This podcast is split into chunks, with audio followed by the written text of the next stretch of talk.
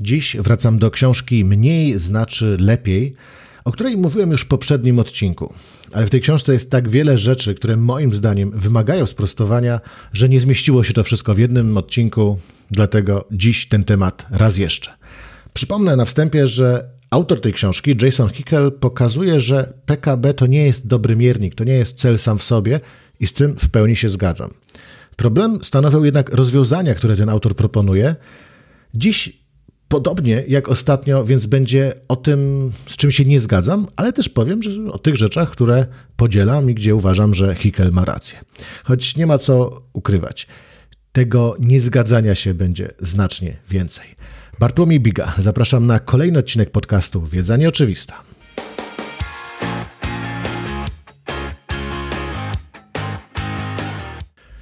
Poprzednim odcinku przekonywałem, że takie znaczne ograniczenie konsumpcji przez bogate społeczeństwa jest po prostu mało realne. A Hickel mówi, że oczywiście w biednych krajach wciąż jeszcze jest przestrzeń do tego, żeby ludzie produkowali, konsumowali więcej, bo ich podstawowe potrzeby życiowe nie są zaspokojone. Natomiast w krajach bogatych, w krajach zachodu już dawno jesteśmy za tą granicą i powinniśmy redukować. Proponował na przykład zmniejszenie wydatków na branżę zbrojeniową, co w sytuacji dzisiejszej brzmi naprawdę fatalnie. Wcześniej było tylko lekko, może niebezpieczne. Dziś autentycznie, moim zdaniem, brzmi jak dywersja. Ale skupmy się dzisiaj na czymś innym. Chciałbym wyrazić taki głęboki sprzeciw przeciwko urządzaniu świata według wizji człowieka, którą wyznaje autor tej książki. Ona niebezpiecznie przypomina mi takie radzieckie tworzenie nowego, lepszego świata. Oczywiście, żeby było jasne, to nie jest tak, że ja jestem bezkrytycznym entuzjastą kapitalizmu i wiele rzeczy bardzo mnie w tym uwiera i uważam, że trzeba podejmować działania, które trochę wyprostują ten system.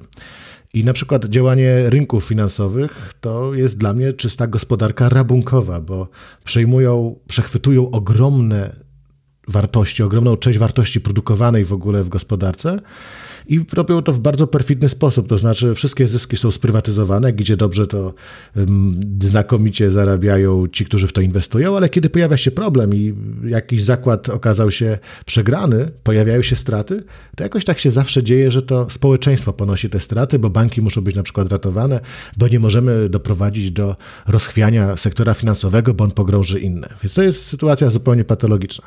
Pełna zgoda. Ale boję się takiego podejścia, którym pisze Hickel. Pozwólcie, że zacytuję jedno zdanie z tej książki. Może dwa zdania, żeby pokazać lepiej, o jakiej wizji mówimy.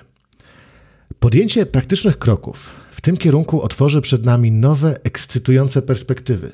Będziemy mogli zbudować gospodarkę ukierunkowaną na optymalny rozwój człowieka, gospodarkę uczciwszą, sprawiedliwszą i bardziej troskliwą. No i można by jeszcze dodać, żebyśmy wszyscy byli zdrowi, młodzi, piękni, szczęśliwi. No, tylko, że te działania, o których autor rozpisuje się w książce, niekoniecznie będą do tego prowadzili, ba jestem w stanie się założyć, że wielu z nas nie zgodzi się z definicją szczęścia, o której pisze autor książki Mniej znaczy lepiej. Hickel na przykład odwołuje się do tego, że przez większość dziejów wśród ludzi dominował animizm, czyli takie podejście, w którym ludzie nie widzą zasadniczej różnicy między gatunkiem ludzkim a resztą świata ożywionego. I tu mój bunt jest bardzo silny. Ja uważam, że to, że przestaliśmy w tego typu rzeczy wierzyć, to jest rodzaj postępu. Co oczywiście nie oznacza, że możemy y, świat natury eksploatować dowolnie i robić z nim co chcemy. To absolutnie nie o to chodzi. Jednak uważanie, że nie ma żadnej różnicy, to budzi mój głęboki sprzeciw. Oczywiście w dużej mierze ideologiczny, więc nie chcę tego rozwijać akurat w podcaście ekonomicznym.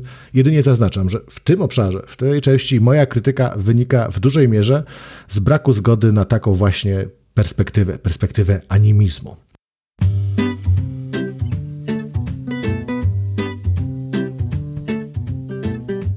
Hegel z rozrzewnieniem wspomina, że w dawnych czasach przecież ludzie też czerpali z ziemi, drążyli w poszukiwaniu minerałów, ale zarazem górnicy, kowale i rolnicy składali ofiary przebłagalne. Czyli ofiary przebłagalne mogłyby jakoś rozwiązać ten problem, że eksploatujemy zasoby ziemi. Podejście naprawdę trudne dla mnie do zrozumienia. Przede wszystkim jednak, i tutaj już odchodzę od ideologii, bardziej idę w stronę ekonomii, totalnie nie zgadzam się z brakiem wiary tego autora, że problemy klimatyczne, w ogóle większość problemów, które mamy teraz, da się rozwiązać za pomocą techniki.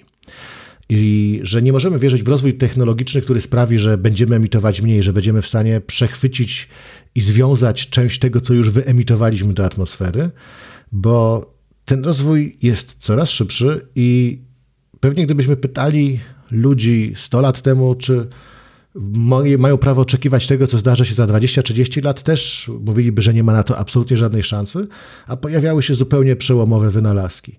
W poprzednim odcinku mówiłem o tym, że żarówki, które były uznawane za nieekologiczne, bo bardzo energochłonne, w końcu zostały zastąpione technologią LED, która jest świetna i która po prostu dobrze działa. Y, przykład energetyki atomowej przede wszystkim to także coś, co pokazuje, że nagle pojawia się totalna zmiana, która może ratować nas od tych problemów, które z naszej dzisiejszej perspektywy wydają się zupełnie nie do rozwiązania. Jeszcze wracam do tych rzeczy, z którymi się zgadzam, bo nie chciałbym, żeby wydźwięk był taki, że wyłącznie krytykuje y, autora książki Mniej znaczy lepiej. Y, on na przykład przywołuje bardzo trafny przykład tego, że przykład na poparcie tej tezy, że wszystkie innowacje, usprawnienia naszej pracy, zamiast prowadzić do tego, że będziemy mogli pracować trochę mniej, więcej wypocząć, sprawiają, że pracujemy tyle samo, tylko że więcej roboty jesteśmy w stanie wykonać. I podają tutaj przykład piły łańcuchowej. Wcześniej, kiedy drwale korzystali po prostu z siekier i prostych y, takich y, pił, to ścinali znacznie mniej drzew. Kiedy pojawiła się piła łańcuchowa, to nie sprawiło, że drwale pracują mniej, oni dalej pracują tyle samo godzin albo nawet więcej, tylko jeszcze więcej drzew są w stanie wyciąć. I to jest rzeczywiście dobry argument, który pokazuje, że wiele innowacji nie prowadzi nas do tego, żeby nam było lepiej, tylko żebyśmy jeszcze więcej produkowali, jeszcze więcej konsumowali. Więc jest to jakaś pułapka i tutaj wydaje mi się, że jest trafnie zauważona. Podobne problemy y, mogą dotyczyć rynku reklamowego.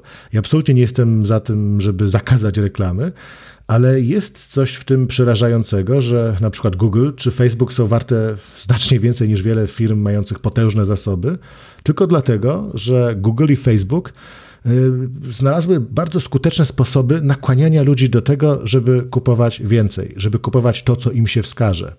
Więc tutaj jest problem na pewno nadmiernej konsumpcji, ale powtórzę jeszcze raz, bardzo bałbym się takiego urzędowego ograniczania możliwości reklamy czy innego podobnego oddziaływania.